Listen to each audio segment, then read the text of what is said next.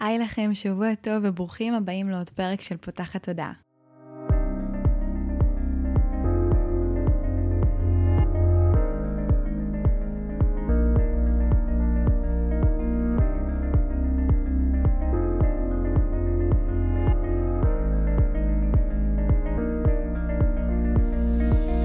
הפעם הראשונה שלכם כאן, פותחת הודעה היא תוכנית שנועדה להעביר רעיונות, לאתגר תפיסות קיימות ולפתוח את צורת החשיבה האוטומטית שנהוגה אצל כולנו לכל מיני כיוונים חדשים שאולי גם יכניסו לחיים שלנו יותר כלילות, שלווה, זרימה, אהבה, קרבה וחופש.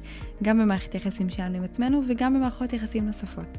אני ניצן אלפסי, אני המנחה של הפודקאסט הזה, ואני מאמנת תודעתית ומלווה תהליכי העצמה אישית בעזרת כלים מעולמות, תת המודע, האנרגיה והרוח. ובפודקאסט הזה אני גם מראיינת וגם מדברת בעצמי על כל מיני נושאים שפוגשים אותי, מסקרנים אותי, ואני חושבת שהם בעלי ערך וחייבים להגיע גם לאוזניים שלכם. השבוע הרחקתי לכת אל פרדס חנה הרחוקה בשביל להקליט את הפרק הזה יחד עם אה, רועי בן יוסף כנף. היה לנו שיחה מרתקת על כנות ועל המקום שלה בחיים ואיך להביא יותר כנות לכל מערכות היחסים שלנו. זה פרק שבהרגשה שלי ממש הביא לי ריפוי ואני מקווה שיביא גם אליכם, הוא נותן שם לגיטימציה כל כך עמוקה להיות מי שאנחנו ולדבר בכנות ולהביא את הכנות שלנו החוצה. אז אנחנו נדבר על מה זה בעצם אומר, איך אפשר לעשות את זה אה, ואיזה שקט וחופש והנאה זה יכול להכניס לחיים שלנו, אז מקווה שתהנו מהפרק הזה. אני אגיד שאם הוא נתן לכם ערך ואהבתם אותו, אנחנו ממש נשמח שתשתפו אותו בכל דרך שתבחרו כדי שהוא יגיע לעוד אנשים שצריכים לשמוע את התוכן הזה. שתהיה לכם האזנה נעימה ושבוע נפלא. היי רועי. היי, מה העניינים? בסדר גמור. אז הבאתי אותך היום, או יותר נכון, אני באתי אליך. נכון. כדי שנדבר קצת על uh, כנות, ומה ההבדל בין כנות לבין אמת. Mm-hmm. Uh, ואיך אנחנו יכולים להכניס יותר כנות למערכות יחסים שלנו, לכל מה שנמצא בעצם מסביבנו. נכון. Uh, אז אולי בעצם נתחיל ממה זו בכלל כנות, ולמה אולי היינו רוצים או לא רוצים שהיא תהיה יותר נוכחת בחיים שלנו. קודם כל אני חושב שכנות זה אולי אה, חלום של כולנו. זאת אומרת אני מדבר עם אנשים הם תמיד רוצים יותר כנות במערכות יחסים שלהם יותר כנות עם הילדים שלהם יותר כנות בכל דבר שהם עושים. נורא חשוב להם בן זוג כן מאוד חשוב להם אמינות. ו... אבל בתכלס דריה הבת זוג שלי תמיד אומרת לי שתדע לך כשאתה אומר את המילה כנות הרבה אנשים מאוד נבהלים. כי הם חושבים שאתה הולך עכשיו אה, להפשיט אותם מכל הסודות שלהם, ושהם יהיו חייבים להגיד את כל הדברים ולהיחשף, אנשים הרי שומרים כל כך, כל כך, כל כך הרבה סודות. אז אה, קודם כל חשוב לי להגיד לי, חשוב לי להגיד שכנות זה לא להגיד את האמת, מותר לשקר בכנות. Hmm. נשמע קצת מוזר ומצחיק, אבל כן, מותר לשקר בכנות, כי כנות היא בעצם היכרות קודם כל שלי עם עצמי. היא קודם כל הבנה שלי אותי. היא הבנה של מה מניע אותי, מה מוביל אותי, למה אני עושה את מה שאני עושה, למה אני אומר את מה שאני אומר, מה קורה בתוכי כרגע. אמ, וחשוב קודם כל להבין שאני לא חייב לתקשר את הכנות שלי ואני לא חייב לספר את הכנות שלי ואני לא צריך להגיד את הכנות שלי. אני במסע האישי שלי גיליתי שלהגיד את הכנות בשבילי, חשוב לי לשים פה את הדגש בשבילי כי אני מרגיש שהרבה מאוד מנטורים ומורים מביאים איזושהי אמת, אומרים ככה צריך להתנהג, ככה צריך להיות. אני לא יודע איך צריך להתנהג ואיך צריך להיות. אני יודע מה עושה לי נעים, ולי נעים להביא את הכנות שלי, ואני חושב שמה שנעים לי בלהביא את הכנות שלי, זה העובדה שאני מפסיק להתבייש במי שאני. אני משדר לעצמי שמותר לי. מותר לי שיהיו לי את המחשבות האלה, מותר לי שיהיו לי את הרגשות האלה, מותר לי שיהיו לי את הדפוסים האלה, מותר לי שיהיו את הפחדים האלה. הם קיימים בי ומותר לי שהם יהיו, ומכאן אין סיבה שאני גם לא אתקשר אותם החוצה. מעניין, דיברת על הנושא הזה של בושה, ואני חושבת שזה אחד הרגשות שהכי פוגשים אותנו בתוך מערכות יחסים, שבושה היא קצת באיזשהו אופן אה, הפחד שלנו שלא ירצו להיות איתנו בקשר, שאם אולי נשתף את המחשבות, רגשות, תחושות שלנו, אז הצד השני פתאום אולי יבוא ויגיד, לא מתאים לי, לא, לא רוצה, איזה מוזר, איזה מוזרה, למה הם חושבים ככה, למה הם מתנהגים ככה, איך אנחנו יכולים להתמודד עם הבושה הזו, קודם כל בתוכנו, ואחר כך גם במערכות יחסים חיצוניות. זאת באמת שאלה מעניינת. אה, חשוב קודם להכיר בזה שכולנו בני אדם. כולנו אנושיים, ומה שקיים בי לרוב יהיה קיים גם באחרים. Uh, מהניסיון שלי, ברגע שאני מביא את הכנות שלי ומתקשר אותה החוצה, בדרך כלל הצד השני, התגובה שלי או תהיה, וואו, גם אני מרגיש ככה, גם אני חווה ככה, אני לא מאמין שאמרת את זה, גם לי היו את המחשבות האלה. זה נכון שאנחנו חיים בתרבות של הסתרה, אנחנו חיים בתרבות של איך אנחנו צריכים להיות, אנחנו חיים בתרבות שבה בעצם יש פרמטרים של מה נכון ומה לא נכון להיות ולעשות, איזה מחשבות לגיטימיות ואיזה מחשבות לא, לא לגיטימיות, איזה התנהגויות לגיטימיות ואיזה התנהגויות לא לגיטימיות, והרבה מאוד דברים שהם ממש בטבע האנושי שלנו, אנחנו רגילים להסתיר ולהחביא. Uh, ולכן אני מאוד אוהב שברגע שמתחיל תדר של כנות, פתאום כמו פטריות אחרי הגשם, פתאום עלי אנשים אומרים, יואו, תודה שאמרת את זה, תודה ששחררת את זה. גם אני מרגיש ככה, גם אני חושב ככה. נגיד, עשינו לפני תקופה קורס, אני וחבר, שהוא גם קולגה שלי, עמיחי זילינקובסקי, עשינו קורס שנקרא ספקות בזוגיות. על כל המחשבות האלה של הספקות בתוך זוגיות, אולי הבן זוג, בת זוג שלי לא מספיק יפים, אולי הבן זוג, בת זוג שלי לא מספיק חכמים, לא מספיק עמוקים, לא מספיק נכונים, משהו ש... כמעט לא מדברים עליו, אתה בטח לא יכול לדבר עליו עם הבן בת זוג שלך. מה, אתה תגיד לה שיש לך ספק לגביה? ורק כשהתחלנו לדבר על זה, מעבר לעובדה שכל כך הרבה אנשים נרשמו לקורס הזה, זה היה מדהים לראות כמה אנשים צמאים היו למרחב שבו הם יכולים לדבר על הספקות שלהם. כמה ריפוי היה רק מעבר לכלים שלימדנו שם ולעבודה שפירטנו שם. כמה אנשים היו ממש ממש צמאים למרחב שבו יש מקום לספקות שלהם. יש רשות לדבר את הספקות שלהם. לראות שעוד אנשים, אני מדבר על זוגיות לא רק של חצי שנה, שנה, של 30 שנה, כן? וואו. Uh, זוגות שאומרים, וואו, סוף כל יש לנו מקום לקול הזה, למקום הזה, שיכול להגיד את זה בקול רם.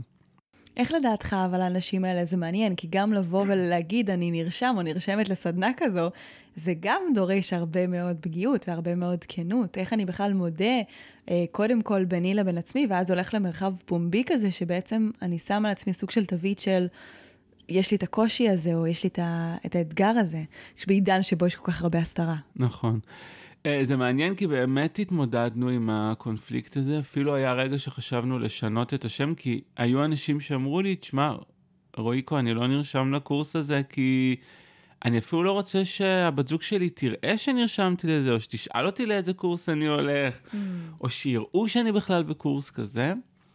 אה, אז באמת היה את המקום הזה, אבל באמת, בזכות עידן, בזכות העידן הדיגיטלי והזום, אז גם אנשים יכלו להיכנס בעילום שם. היו הרבה אנשים שלא נכסו בשם המקורי שלהם וגם היו בהסתרת פנים. אה, וגם היה הרבה מאוד אנשים שזאת בעצם הייתה, היה השלב הראשון של המדרגה הראשונה שלהם, של לקפוץ למים. של לבוא ולהגיד, הנה יש פה מישהו שמזמין, הנה יש פה מישהו שעשה לזה קורס, ואולי זאת הזדמנות ראשונה שלי באמת לבוא ולשים את הדבר הזה בפעם הראשונה בחוץ. איך אני קודם כל מסגלת את הכנות הזו ביני לבין עצמי, להגיד שיש לי קושי או אתגר, בטח בנושאים כאלה שהם מאוד uh, פגיעים ויש סביבם הרבה בושה, אי נוחות, וזה משהו שלא כל כך מדברים עליו, או אפילו, אני חושבת שזה מעבר לא מדברים עליו, אפילו, אפילו אנחנו בינינו לבין עצמנו בוחרים לעצום לזה עיניים, כי, כי זה לא נעים. את יודעת, כשהתחלתי את הדרך שלי והתחלתי לדבר על כנות, אז כאילו, לא באמת הרגשתי שיש לי שיטה ללמד. אמרתי, אוקיי, פשוט להיות בכנות. אני, אני, זה מצחיק, כי מצד אחד הייתי שקרן עד גיל 21, שקרן פתולוגי, שיקרתי על המון המון המון המון דברים. ומצד שני, אני בן אדם מאוד כנה. אני בן אדם שמאוד מכיר מה קורה בתוכו. וכשהתחלתי לדבר על כנות, אז אמרתי, טוב, אמרתי להיות כנים, ואז בא אליי חבר ואמר לי, כן, אבל איך נהיה כנים? איך, איך להיות כנות, איך לדעת מה הכנות שלי, איך לדעת באמת מה מתנהל בי. ובאמת פיתחתי הרבה מאוד כלים שעוזרים להבין את הכנות שלנו. המון המון כלים, הרבה מאוד תובנות, הרבה מאוד הבנות, הרבה מאוד עבודה גם עם המוח החושב וגם עם הלב, שבאמת עוזרים להבין את הכנות שלנו. בוא אני... תיתן לנו איזה משהו אחד שאנחנו יכולים אפילו לתרגל עכשיו עם מי שמאזין לנו, שהוא יוכל לתרגל עם עצמו על איך הוא יכול להיות יותר כנה. ניתן דוגמה, אה, נגיד, של מבנים, אוקיי? אחד המבנים שאני מדבר עליו, שאני מלמד, הוא מבנה שנקרא מכלי הרגש. אה, כל מיני סיפורים שחוזרים על עצמם, שבעצם מתחתם נמצאים רגשות עמוקים יותר לכנות. אתן דוגמה, אה, במשך שנים אחד מהמכלי רגש שלי היה כסף. מצאתי שהמון המון המון פעמים ביום אני חושב על כסף. מה אם יהיה עם הכסף שלי, איך אני אתפרנס, אה, אני אסגור את החודש, אני לא אסגור את החודש, כמה הרווחתי, כמה לא הרווחתי, המון המון פעמים. כשהתחלתי להכיר את הכלי של מכלי הרגש, התחלתי לחקור ולשאול את עצמי, למה פתאום אני חושב בסיטואציות מסוימות על כסף? ואני אתן דוגמה. לדוגמה, נכנסתי לבית קפה, ראיתי שם שתי חברות שאני מכיר יושבות שותות קפה, באתי לשבת לידם והם אמרו לי, אה, לא, כפרה, אנחנו בפגישה אישית, אנחנו לא רוצות שתשב איתנו עכשיו. אני הולך, מסתובב בהם, ואני מתחיל לחשוב על כסף. יואו, כמה הרווחתי החודש, יש לי מספיק כסף, אין לי מספיק כסף. עצרתי רגע ושאלתי את עצמי, למה בנקודה הזאת עכשיו פתאום אני חושב על כסף? זה מיכל רגש שלי. מה זה אומר מיכל רגש שלי? נפגעתי משתי הבנות האלה. אבל אין לי לגיטימציה כגבר בן 40 פלוס להגיד שנפגעתי משתי נשים שלא רוצות לשבת לידי, כי אני הרבה יותר עמוק מזה ומתוחכם מזה, ואני מבין שהן רוצות לשבת ולדבר עם עצמם, ושאין כרגע מקום, ומה הבעיה, ולכל אחד יש את הזכות שלו להיות מישהו ולהגיד את מה שהוא רוצה. לא יכולתי להרגיש את הפגיעה הזאת. אז איך יכולתי כן להרגיש את הפגיעה הזאת? הלכתי לסיפור מוכר בתוך המערכת שלי שהוא כסף, שדרכו קל לי להרגיש רגשות, קל לי לכאוב, ויכולתי להרגיש את הרגש הזה שם. אז נגיד, אחד הדברים שאני מלמד זה זיהוי מכלי הרגש שלנו. אני אומר לאנשים, תרשמו את זה על המקרר שלכם. סיפורים שחוזרים לעצמם ותתחילו לחקור. למה פתאום אני כועס על הבלגן של הבית? למה פתאום כסף מעסיק אותי? למה פתאום אני מרגיש שאין לי מקום, או לא רואים אותי ולא שומעים אותי? כל מיני סיפורים שחוזרים לעצמם. אולי בעצם נפגעתי עם משהו אחר, ואז פתאום אני מתחיל לגלות את הכנות שלי. מה באמת קרה? מה באמת קרה? כאב לי? מה באמת הפעיל אותי? זה דוגמה לכלי אחד, כן? אז בעצם אנחנו רוצים לזהות מתחת לבריחה הזאת לאיזשהו כאב ידוע, מה הכאב האמיתי שלא נתנו לו מקום, או לא אפשרנו לו להיות נכון. בעצם מה שקרה. נכון. אוקיי, מגניב. וזה זיהוי לפי מבנים, אני יכול לתת אה, עוד דוגמה. דוגמה, כל לילה לפני השינה, אה, זה כלי שאני קורא לו רווח גוף. אה, כל לילה לפני השינה אני מוצא שאני יורד על עצמי. עובר על היום ויורד על עצמי, פה היית לא מספיק, פה היית לא טוב, פה היית ככה, פה היית ככה, פה היית ככה, מתחיל לחקור. למה אני יורד על עצמי לפני השנה? מה הכנות שלי שם? נגיד שמתי לב שמתוך הרגל, מהילדות, מכל מיני מקומות, זאת הדרך שלי להרגיע את הגוף מהיום. כשאני יורד על עצמי, אני בעצם מרגיע את הגוף שלי. אני מוריד את האנדרנלין של היום. אני מסיים את היום, יש לי ימים מאוד עשירים, מאוד נעימים. אני מסיים את היום עם הרבה אנרגיית חיים. כשאני נכנס למיטה אני רוצה להוריד, והדרך שלי להוריד הוא דרך לרדת על עצמי, להעליב את עצמי. זאת אומרת שהרווח הוא בעצם בגוף, הרווח הוא בלנסות להרגיע את עצמי. אז הנה עוד קינות שגיליתי, זה לא באמת אני דפוק, לא מספיק טוב, המחשבות האלה הן לא אמיתיות, יש שם כנות אחרת שמתקיימת מתחת למבנה הזה. אז כנות היא למעשה קודם כל להכיר את עצמי ואת המנגנוני רגש, אה, גוף, תודעה אולי, mm-hmm. שנמצאים בתוכי. נכון. אוקיי. איך להבין אנחנו... מה באמת הפעיל אותי עכשיו. Mm-hmm. ואחרי שאני בעצם עושה את הבירור הזה עם עצמי, איך, אה, איך מתקשרים בכנות? אני חושב שקודם כל, אחרי שאת עושה את הבירור הזה, אה, נוצר שקט. ברגע שאני מגיע לאמת, ברגע שאני בכנות שלי, קודם כל, בי יש שקט. הכנות היא תמיד משהו שיהיה לי נעים. אם לא נעים לי עדיין, אם עדיין הסיפור הזה גורם לי חוסר נעימות, משמע שעוד לא הגעתי לכנות העמוקה שלי. כשאני מגיע לכנות העמוקה שלי, אני ארגיש איזושהי תחושת נינוחות, איזושהי תחושה של שקט, איזושהי תחושה של שלווה. זה קודם כל. דבר שני, אני בעניין של תקשורת, אני חושב שברגע שאני מבין את הכנות שלי, התקשורת היא מאוד קלה. פשוט לדבר את זה. פשוט להגיד את זה. אצלנו בבית, נגיד, יודעים את ה... אני נגיד, מאוד קשה לי במעברים, ו- ונגיד יוצאים מהבית, נכנסים לבית, אני פתאום יכול כזה מאוד uh, לכעוס, או לא יודע, מאוד לכעוס, פתאום יכול להיות קצר כזה, אג'י כזה, כולם פה בבית יודעים שיש לי עניין עם מעברים, אז כבר, מש- מרוב שכבר תקשרתי את זה בכנות, הם יודעים שכבר יכולים להגיד, אבא, מעברים, מעברים, מעברים, מזכירים להם ולי, ותוך שנייה אני כזה, אה, נכון, אני במעברים, אוקיי, זה מה שקורה לי עכשיו. כי זה יפה, זה יפה כשאני מתקשר את העולם הפנימי שלי, זה יפה, זה לא מאשים, זה לא תוקף, זה לא שם פגם בצד השני. איך תקשרת להם את זה שיש לך קושי עם מעברים אחרי שזיהית את זה בעצמך? ממש ככה, אתם שומעים? יש לי קושי עם מעברים. זאת אומרת, ממש בהכי פשטות. ברגע, שה... ברגע שהדבר ברור לי, uh, התקשורת היא החלק הקל של הדבר. זאת אומרת, נכון, יש, אנחנו שוב, אנחנו חיים בחברה שיש בה הרבה מאוד בושה בלהיות חלש. כשחלש נתפס כמישהו שהוא אה, אה, תלוי בגורמים משתנים. אני חושב שאולי זאת ההגדרה הכי מדויקת כרגע שאני מוצא לחולשה, שאני מושפע. ואולי כנות ראשונה היא לבוא ולהגיד, כן, אני מושפע, אני תלוי בגורמים חיצוניים, יש לי טראומות, יש לי כאבים, עברתי דברים, כן, זה נכון. וואו, ואיך אני עושה את זה בצורה שגם מכבדת את הצד השני? כי אני חושבת שהרבה פעמים האתגרים שלנו, הסיבה שאנחנו לא כנים עם הצד השני, זה מהפחד א' שהוא ייפגע.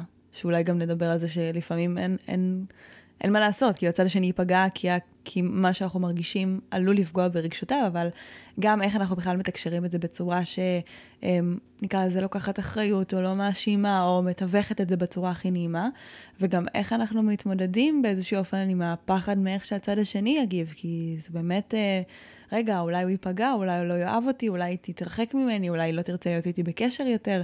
יש הרבה מקום כזה שמפחד מהתגובה של הצד השני. מה שאת דיברת עכשיו זה בדרך לכנות. שזה חשוב ומשמעותי, אבל זה בדרך לכנות. כנות, מה זה אומר? כנות היא לא פוגעת. כנות לא יכולה לפגוע במישהו. למה? כי כנות היא משהו נעים, אוהב. כנות היא משהו אוהב, היא משהו נעים, היא העומק. העומק הוא תמיד אוהב. זאת אומרת, הכנות היא הבקשה לאהבה הראשונית. אני אתן דוגמה. נגיד, דוגמה כזאת קיצונית קצת. נגיד שבתקופה האחרונה בת זוג שלי נראית לי לא מספיק מושכת. לא, לא נמשך אליה. מרגיש שהיא לא, לא מוצאת חן בעיניי.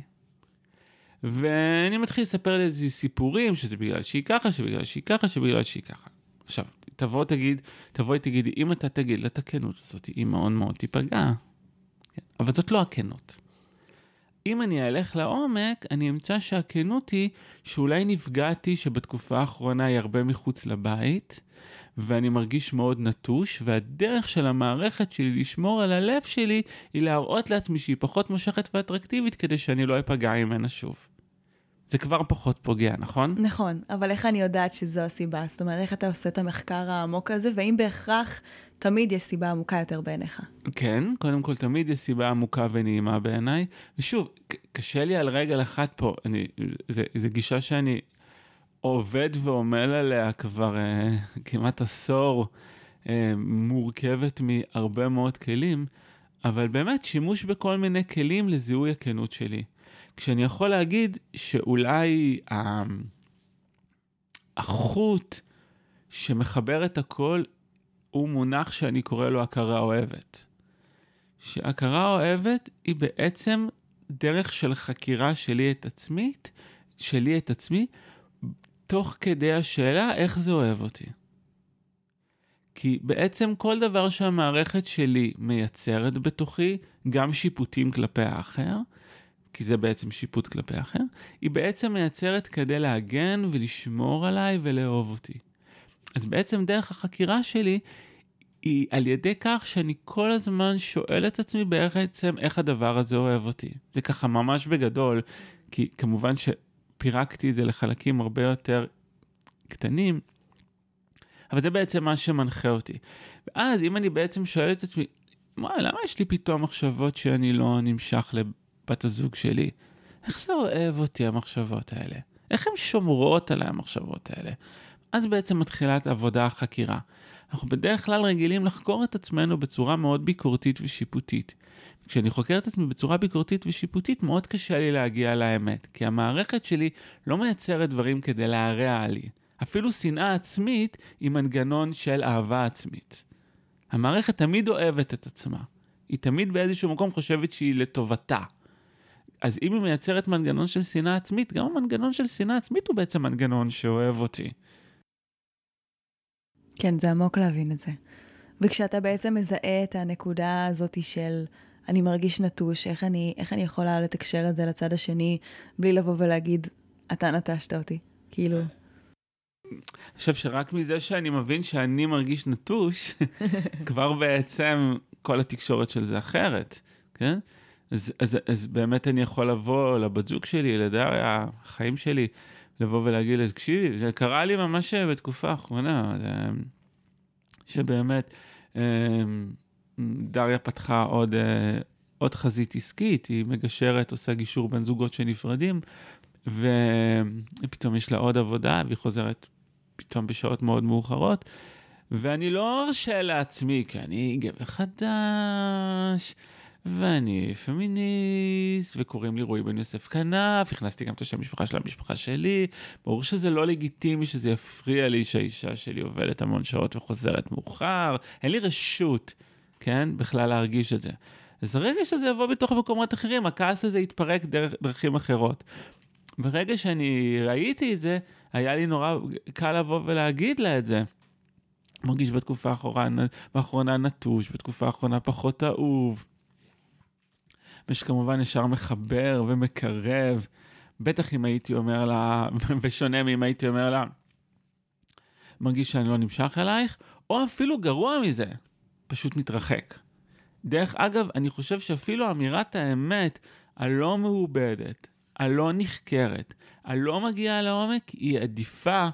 זה כמו שאני זוכר שעבדתי פעם באורנג' בשירות לקוחות, ואמרו לי, לקוח מתלונן, הוא עדיף מלקוח נוטש.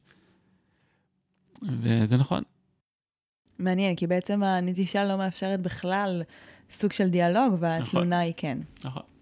איך אנחנו יכולים למעשה אז להתגבר, אוקיי, התגברנו על הפחד הזה מלבוא ושהצד, מאיך שהצד השני יגיב, הבנו שאנחנו רוצים לתקשר את המקום שלנו, איך אנחנו יוצרים סביבה שהיא נעימה ליצור את המרחב הזה. זאת אומרת, אני מניחה שלא פשוט באת אליה ואמרת לה פתאום, דריה, אני מרגיש נטוש. זאת אומרת, יש איזה שהם מרחבים שמאפשרים אה, את השיחה הזו, אה, אולי יוצרים מרחבים של כנות. אה, יש לך איזשהו טיפ או, או משהו שאתה יכול לחלוק איתנו בהקשר של באיזה סיטואציה אני בכלל מוציאה את זה החוצה, כי זה בסוף, אולי גם צריך לראות שהצד השני פנוי להכיל את הכנות שלנו עכשיו, או לייצר איזשהו מרחב כזה. כן, כן, כן. אני, חשוב לי לבוא ולהגיד שכנות היא, היא, היא, היא לא שפה של שיחה אחת. היא שפה של בית, היא שפה של ארגון, היא שפה של חברה, היא שפה של משפחה, כן? היא שפה שכל הזמן קיימת, היא לא פתאום מתקיימת, כן? לדוגמה, אמ, היה לנו פגישת עבודה של הצוות של כנות אה, השבוע, ואחד, והייתה גרפיקאית מדהימה שעושה לנו את כל העיצובים לפרויקט החדש שלנו, ו... ואז uh, מישהו אמר לה שם, מנהלת אסטרטגיה, או לא זוכר מישהו אמר, אמר, טוב, בואי רגע תעצבי ככה וככה.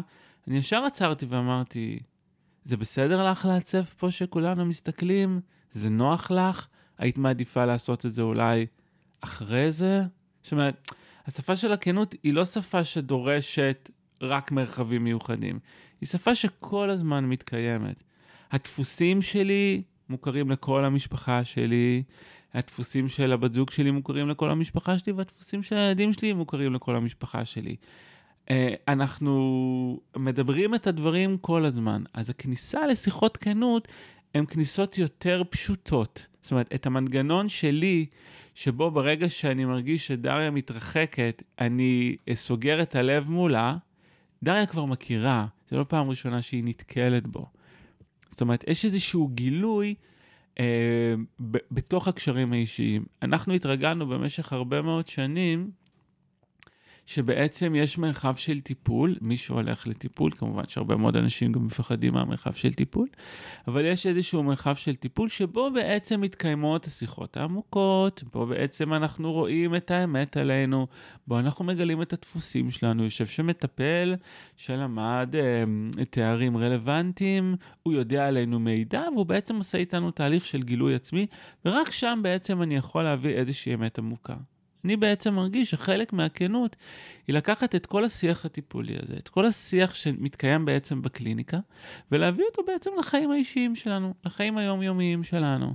אנשים אומרים לי, אז מה, הילדים שלך הם המטפלים שלך, האישה שלך הם המטפלת שלך? אז קודם כל כן. כל מי שאני בא איתו למגע בעצם מעביר אותי איזשהו תהליך של ריפוי וטיפול, אבל אני חושב שאין פה איזושהי הישענות. אני לא נשען עם הדפוסים שלי על האחר, להפך. אני מודע לדפוסים שלי. אם אני לדוגמה קשה לי במעברים, אני לא מפיל את זה על הילדים שלי. אני חושב אבל מה היה עדיף. האם היה עדיף שהיינו יוצאים עכשיו והייתי נתפס על הבת שלי, שתוך כדי שאנחנו יוצאים עם בטלפון, הייתי אומר, את כל הזמן בטלפון, נמאס כבר עם הטלפון הזה, את לא עם המשפחה, מה קורה איתך? ויוצר בה בעצם שיפוטים, תחושה שהיא לא מספיק טובה, אה, מעביר ביקורת על איזושהי התנהלות הגנתית שהיא זקוקה לה כרגע. או שאני בעצם בא ואומר, תקשיבו, מאוד קשה לי ממעברים, קשה לי עכשיו שאנחנו באים לצאת מהבית, אני עובר משהו. מה יותר נעים, ומה באמת יותר מפיל על האחר? האם ההבנה הטיפולית שלי, או כל ההתנהלות ההשלכתית שלי בתוך הסיטואציה הזאת? מדהים, זה ממש אה, פותח צורת תקשורת אחרת. אני חושבת שכשאתה הולך בדרך הזו הרבה זמן, אז באמת אה, זה קל יותר, כי כבר הסביבה שלך יודעת מאוד איך לעבוד איתך, וזה שאיפה שאני ככה מאוד שואפת אה, לעצמי גם לייצר, ומה היינו יכולים להציע למי שעוד נמצא יחסית בתחילת, אה, שעד היום, גם אם זה לא בהכרח בתחילת הקשר, היה אדם בקשר שאין בו כנות ואין בו ירידה לעומק, איך מתחילים בכלל? איך בכלל, לא יודעת, יוצאים לדרך הזאת אחרי הרבה שנים שאולי הייתי בזוגיות, או בכל מערכת יחסים שהיה בה הסתרה? שוב, אני, אני מביא פה התנהלות שהיא מאוד אה, רועית, כן? אה, ולא בהכרח מתאימה לכולם, אבל אין לי מה להביא חוץ מזה, כי אני יכול להביא רק את איך שאני עובד. השלב הראשון שאני גם מלמד בסדנאות שלי, הוא בעצם שלב של הכרה. עוד לפני האוהבת אפילו. זאת אומרת, אני מתחיל להתבונן בי בצורה חיצונית. נוצרת באיזשהו, איזושה, נוצרת בעצם איזושהי הפרדה בין האני המתבונן אליי. אני מתחיל לשאול את עצמי שאלות. או, למה אני עכשיו יורד על עצמי? למה עכשיו הסתגרתי? למה פה נעלבתי? למה פה פגשתי את זה ואת זה? מה קורה לי? מה, אני מתחיל לחקור אותי. כמו שאני חוקר, אה, לא יודע מה, אה, צפרדע בקור... בשיעור ביולוגיה, רק בלי לנתח אותה ולפגוע בה, כן? אה, אני מתחיל לחקור את עצמי, אני מתחיל להתבונן בעצמי, ואני מתחיל לראות האם יש חזרתיות מסוימת. האם יש דברים שחוזרים על עצמם? האם יש התנהלויות מסוימות שאני, יש אחד מהכלים שאני קורא לו חפיפת סיפורים. אוקיי? מה זאת אומרת חפיפת סיפורים? בבוקר בעבודה הייתי בישיבה ובאתי לדבר ואף אחד לא נתן לי לדבר. בצהריים נכנסתי לסופר ומישהו עקף אותי והרגשתי כאילו אף אחד לא רואה אותי ובערב שחזרתי הביתה, אז uh, הבת זוג שלי, uh, נכנסתי והבת זוג שלי, uh, אמרתי, את לא יודעת מה היה לי בעבודה? והיא אמרה, ראית שהקטן שלנו בדיוק uh, צריך פיג'מה? לך תביא לו את הפיג'מה מהמייבש. מסתכל על שלושה סיפורים האלה, ואמרתי, יש משהו משותף, כן? יש כמו זווית סלע זווית מחפיפת משולשים. יש משהו משותף בין uh, שלושת הסיפורים האלה? אה, וואי, בשלושתם הרגשתי שלא רואים אותי. אולי הלא רואים אותי זה פילטר שלי? אולי הלא רואים אותי זה משהו שאני הבאתי? בסיפור שלי, אני מתחיל להתבונן, אני מתחיל לחקור, אני מתחיל להסתכל על המחשבות שלי, על הרגשות שלי, על הדפוסים שלי. מתחיל רגע להבין את עצמי, להבין אותם. וכל דבר שאני מבין, אני משתף. וואי, את יודעת מה אני קלטתי? שאני הרבה מרגיש במהלך היום שלא רואים אותי. כן, אני מכירה את זה אצלך. הרבה מהמריבות שלנו הם זה כי אתה מרגיש שלא רואים אותך. וואי, בא לך בתקופה הקרובה להראות לי איפה את כן רואה אותי? בטח, מאמי, בשמחה. אני אראה לך רק היום, תראה, הכנתי לך בדיוק את הדבר הזה שאתה אוהב. אה, נכון, לא שמתי לב אליו בכלל, רק שמתי לב שאמרתי להביא את הזה מהמייבש. מתחילה איזושהי תקשורת אחרת, מאשר, אה, אני חוזר מיום, ומה שיש לך להגיד לי זה להביא את הזה מהמייבש. ראית אותי בכלל, סופרת אותי בכלל, אני לא רואה אותך, אתה לא רואה אותי, כל היום אני פה עושה ככה, אתה נכנס בסעד, עוד שאמרת שתבוא לפני שעה. כן. אין לזה סוף. מדהים. אז אני ממש יכולה להתחבר לזה. אני חושבת, אני מרגישה שיש עוד פער בין ההבנה שלי לבין כמה אני מצליחה ליישם את זה בחיים שלי. זאת אומרת, יש תקופות שמאוד, יש תקופות שאני נשמעת בדיוק כמו החיקוי שעשית עכשיו. כולנו. אה, ואני חושבת שזה אולי גם חלק מהעניין, לפתח אה, חמלה וסבלנות, גם לדרך וגם לתהליך שלי, בכמה אני מצליחה לתקשר את זה כמו שהייתי רוצה. במאה אחוז. רציתי לשאול אותך אה, לגבי הילדים. זאת אומרת, ממש שיתפת שהילדים שלך מכירים את הדפוסים שלך ואת הדברים שככה מפעילים אותך, ואתה שלהם. Mm-hmm. ויכול להיות שיהיה הרבה אנשים שיגידו, רגע, למה, אני חושבת שאתה שומע גם קולות כאלה, שלמה ילדים שלך שותפים אה, כל כך במה שקורה בתוכך, אם זה אולי... יקשה עליהם לסמוך עליך, להרגיש שאתה נותן להם, לא יודעת, איזושהי תחושה של אה, ביטחון, שאולי לראות אותך גם כחלש, שילדים, אה, יש תפיסות מסוימות שחושבות שההורים צריכים להיראות אה, חזקים. אני אתחיל להגיד שכל מה שהוא שקר בעיניי, אני לא מבין איך הוא תומך. זאת אומרת, איך העמדת פנים שלי כהורה כמשהו שאני לא תומכת בילד שלי, אני נשגב מבינתי להבין את זה. באמת, אני לא מצליח להבין את זה. איך מישהו חושב שאם הוא ייצור אשליה לילד שלו, זה ייטיב איתו. אבל אני שם את זה רגע בצד, ואני רוצה לשאול את השאלה המאוד פשוטה. ילד ייצור פרשנות משלו לסיטואציות שקורות. מה עדיף לי? לשתף אותו באמת או לתת לו לרוץ עם הפרשנויות שלו? אני רוצה לספר סיפור שלפני כמה שנים ישבתי במרפסת, באה אליי הבת הגדולה שלי, עלמה, המדהימה והמורה והמהממת והמושלמת, חשוב לציין. והיא באה אליי החוצה ואמרה לי, אבא, רק שתדע שאני יודעת שאתה אוהב, יש לי אה, בת גדולה, בת קטנה ובן אמצעי. והיא אמרה לי, רק שתדע שאני יודעת שאתה אוהב את אורי, זה הבן שלי יותר ממני. ופעם הייתי בוכה מזה בלילות ונורא עצובה מזה, אבל תדע לך שהשלמתי עם זה, ואתה לא צריך להסתיר את זה יותר ממני, שאתה אוהב את אורי יותר ממני. עכשיו, יש לי שתי אופציות. אופציה אחת, להתנהג בצורה רגילה, כן, שמתי מרכאות, בפודקאסט לא רואים את זה, זה להתנהג בצורה רגילה, וגם, מה פתאום, חיים שלי, אני אוהב את כל הילדים שלי אותו דבר, כולכם שווים, זה משהו שאת סתם מרגישה, מה פתאום?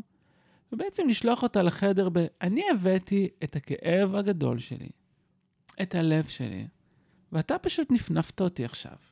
כי הרי מרגישה משהו.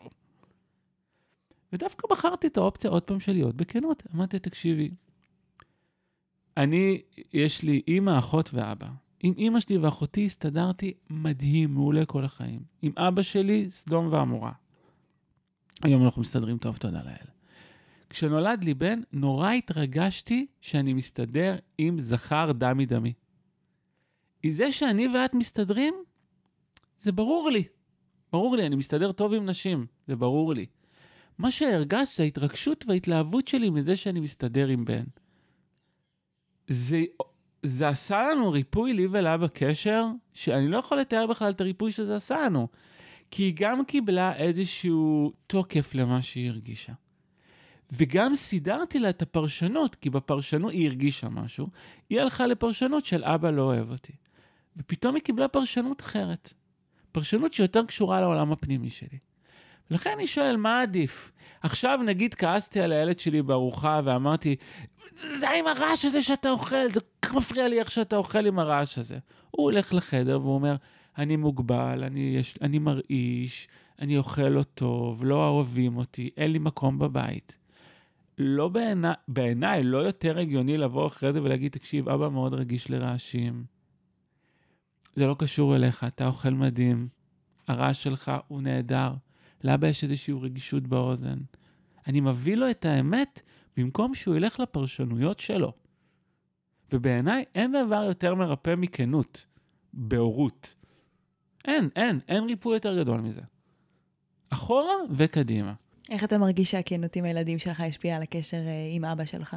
אני חושב שקודם כל, ברגע שהתחלתי לתקשר אותי ואת מה שאני עובר, בעצם הבנתי הרבה דברים שהוא עבר ולא ידע לתקשר. אז פתאום היה לי המון חמלה אליו. פתאום יכולתי לראות אותו. יכולתי לראות שגם לא היה קושי עם מעברים. יכולתי לראות שגם הוא היה איש רגיש מאוד. יכולתי לראות את הקשיים שלו בקרבה ובאינטימיות ובמערכות יחסים. יכולתי לראות איך הוא, איך הוא חיפש סיפורים כדי לכעוס עליהם במקום באמת להביא את הלב שלו. יכולתי לעבור שם באמת ריפוי. כי אבא שלי היה חוזר הביתה, נורא מתרגז על כל הבלאגן, אני זוכר שהייתי חושב על עצמי, רק שלא יחזור הביתה. פתאום כשאני הייתי מבוגר ואני חזרתי הביתה והתרגזתי מהבלאגן, כן? פתאום יכולתי לראות איך אני, איך קשה הכניסה הזאת. שוב, שאלתי, איך זה אוהב אותי שאני מתרגז מהבלאגן? יכולתי לראות כמה קשה לי הכניסה הזאת. מדבר עוד שהייתי שכיר, כן? היום העבודה היא משהו שמרפא אותי.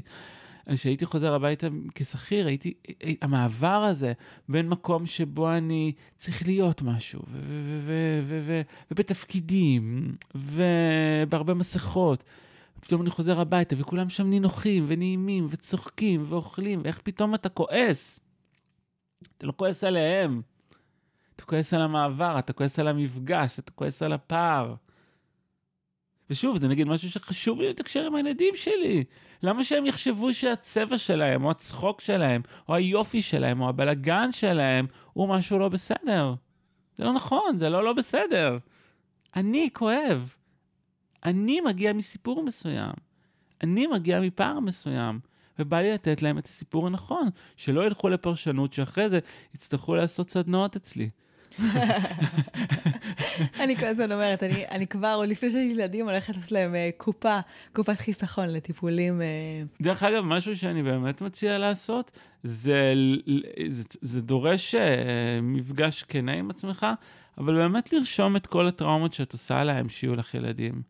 בשביל שאחרי זה שהם יהיו מאוחר, בגיל מאוחר ויגידו, תראי, מה היה בלידה שלי? כשהייתי קטן היה משהו כאן וכאן, כן, יש לך ספר פה עם כל הטראומות, רשמתי לך, בבקשה תסתכל, תראה מאיפה הכל מגיע, מאיפה הכל אה, בא. אני אספר לך סיפור על זה, שהבת שלי יום אחד חזרה מהבית ספר, והיא אמרה לי, אבא, אתה לא יודע מה היה לי היום? אה, מישהו נגע בי בגב, ואני פשוט הרגשתי גל של עצבים, והסתובבתי, אמרתי, אל תיגע לי שם.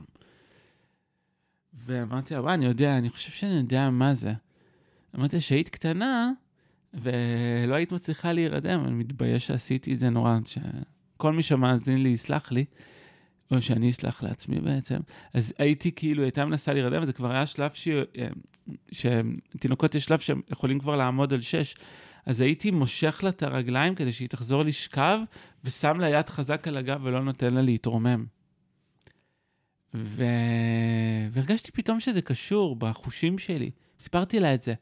אמרתי, את רוצה עכשיו שאנחנו, את תנסי לשכב, אני אשים לך יד על הגב ותדחפי לי את היד, תזיזי לי אותה ותתרוממי? היא אמרה לי, כן, ועשינו את זה.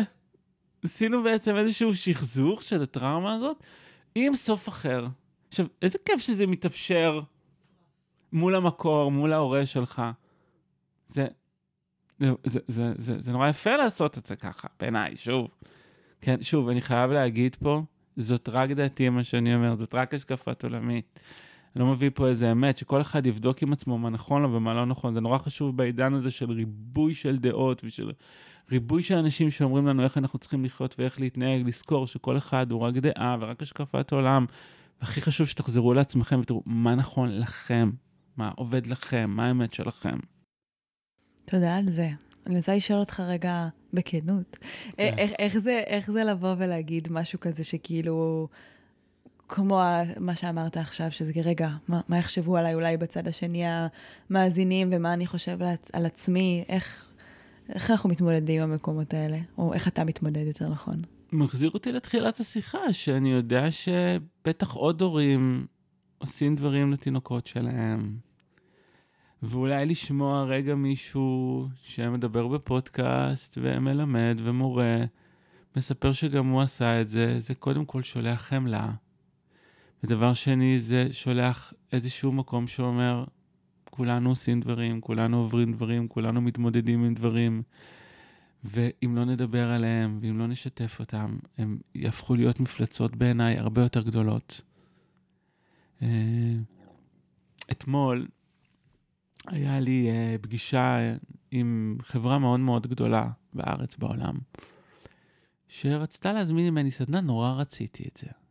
עכשיו, זו גם תקופה פה, התקופה של הקורונה, והבידודים, והכל ש... העסק מזדעזע, כן? העסק זז, אפשר להתעלם מזה. ופתאום קלטתי שאני נורא נורא רוצה את הפרויקט הזה. בדרך כלל אני מאוד כזה שווה נפש לפרויקטים, כי יש לי תנועה ושפע והכל מגיע, ותודה לאל, דברים מגיעים אליי בצורה הכי מדויקת שיש. אבל פתאום קלטתי כזה שאני נורא רוצה את זה, ואני עם קוקו, והייתה לי מחשבה איך אני אעשה את הקוקו נמוך, בשביל שלא יראו שאני עם קוקו כדי שנראה יותר רציני. ואז כמובן ישר שמתי, אמרתי, וואו, הנה, תראה, רועיקו, אתה ישר נכנס לתקופה של קצת חוסר ודאות, אתה ישר חוסר לדפוסים שלך שאין לך רשות להיות מי שאתה. בוא תנסה להישאר ברשות הזאת להיות מי שאתה עם התקופה הזאת. ואז הגעתי אליה בפגישה, והתחלנו לדבר על משהו, וזה מאוד מדהים, היא ביקשה ממני משהו שקשור לעבודה עם חוסר ודאות של צוות. וסיפרתי לה את זה. סיפרת שחשבתי להחביא את הקוקו לפני הפגישה איתה, ו...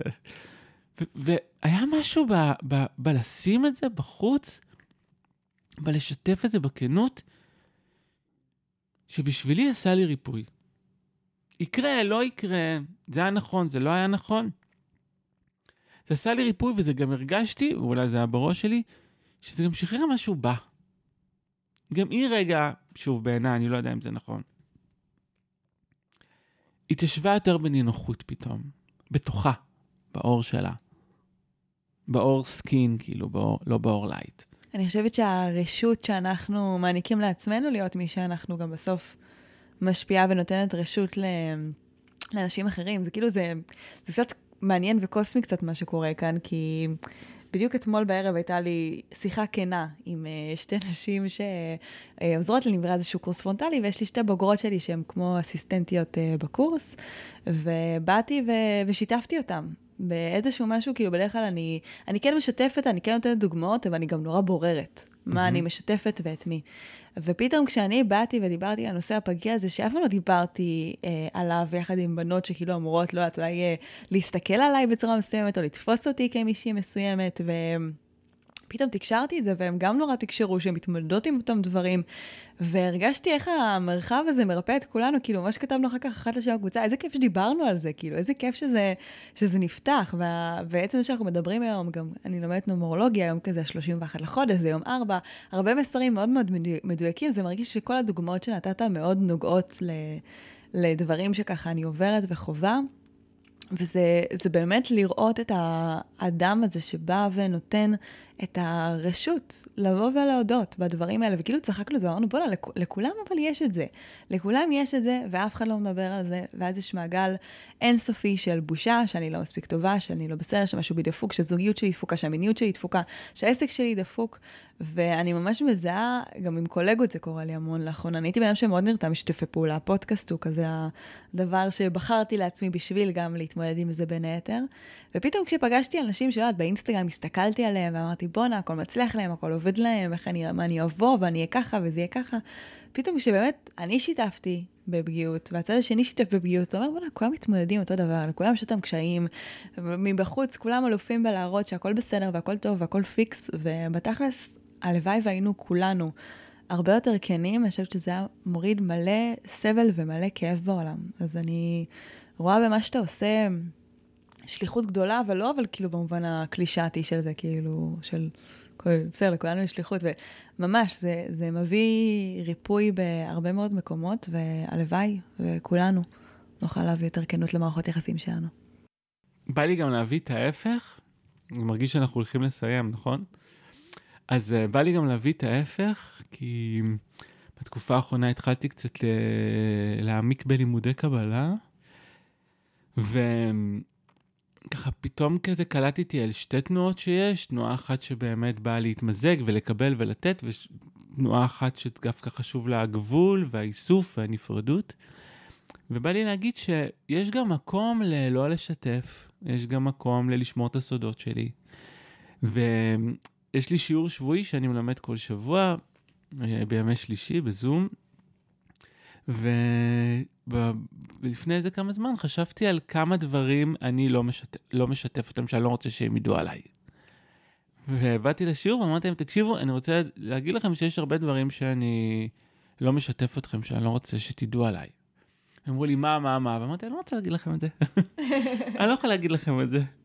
והרשות הזאת, שיש לי דברים שאני לא רוצה שידעו עליי, ויש לי דברים שאני עוד מתבייש, ויש לי דברים שאני עוד לא רוצה לחשוף, ויש לי דברים שאני עוד, עוד לא שם. הלגיטימציה לזה, הקבלה של זה, גרמה לי רק להגיד כבר את זה, שזה כבר הייתה ההתקדמות שלי. אז בא לי גם להגיד, מותר לשמור סודות, ומותר לא להגיד, ומותר לא לשתף, ומותר לשמור דברים שהם רק לעצמנו. מותר הכל, מותר לנו להיות כל מה שאנחנו, עם כל ההיבטים שלנו. וזה חשוב לי היה לתת גם את החלק הזה כדי ליצור את השקט והאיזון שאני לא צריך עכשיו לבוא ולספר הכל. כל דבר, הקצב שלו ובזמן שלו, ו... ואולי בכלל גם לא. אולי יש סודות שאני אלך איתי עד הקבר איתם. מדהים. תודה רבה על כל הנקודות אה, מבט הפותחות לב ותודעה אה, האלה, אה, ותודה שהסכמת להתארח. תודה שהערכת אותי, היה לי נעים מאוד. אז אם אנחנו רוצים לסכם את כל הידע המדהים הזה שרועי הביא בכנות רבה בתוך הפרק הזה, אז דיברנו על קודם כל להתחיל להתבונן מבחוץ, להכיר את עצמנו, לחקור. דיברנו על זה שכנות מתחילה קודם כל ביני לבין עצמי, מההבנה שלי אה, ושל הדפוסים שלי והדברים שמנהלים אותי. דיברנו על מכלי הרגש שלנו, שזה בעצם כמו למצוא את הסיפור שאליו אני בורח או בורחת כדי להרגיש את הרגשות שלי. המקום הזה שבו אני מרשה לעצמי לכאוב, בין אם זה להתעצבן על הבלגן בבית או על המיניות שלי שאני לא אוהבת, שאני לא מרוצה ממנה. הוא נתן את הדוגמה הזו באמת עם הכסף, המקום הזה ששם אני נותן ביטוי לרגשות שלי. דיברנו על חפיפת סיפורים, איזה אלמנט בעצם חוזר בכל הסיפורים שלי אה, באותו יום או באותה תקופה בכלל, ולראות בעצם מה בי אה, מכריע את הסיפור הזה ובגללו אני פוגש את זה בכל המקומות החיצוניים. דיברנו על הכרה אוהבת, שזה בעצם לבוא ולשאול איך זה אוהב אותי, לבוא ממש מסקרנות ומאהבה, ודרך זה שאני מסתכלת ושואלת איך הדבר הזה לטובתי, אני יכולה להסתכל על זה בעיניים אוהבות יותר, להבין את הדפוסים, וככה גם אה, לתקשר אותם בכנות לעצמי ולסביבה שלי. אני מקווה שאהבתם את הפרק הזה. אנחנו נשמח מאוד שתשתפו אותו ברשתות החברתיות עם אנשים שאתם חושבים שזה יכול לעזור להם ולתרום להם. אה, ותודה שהאזנתם, נתראה בפרק הבא.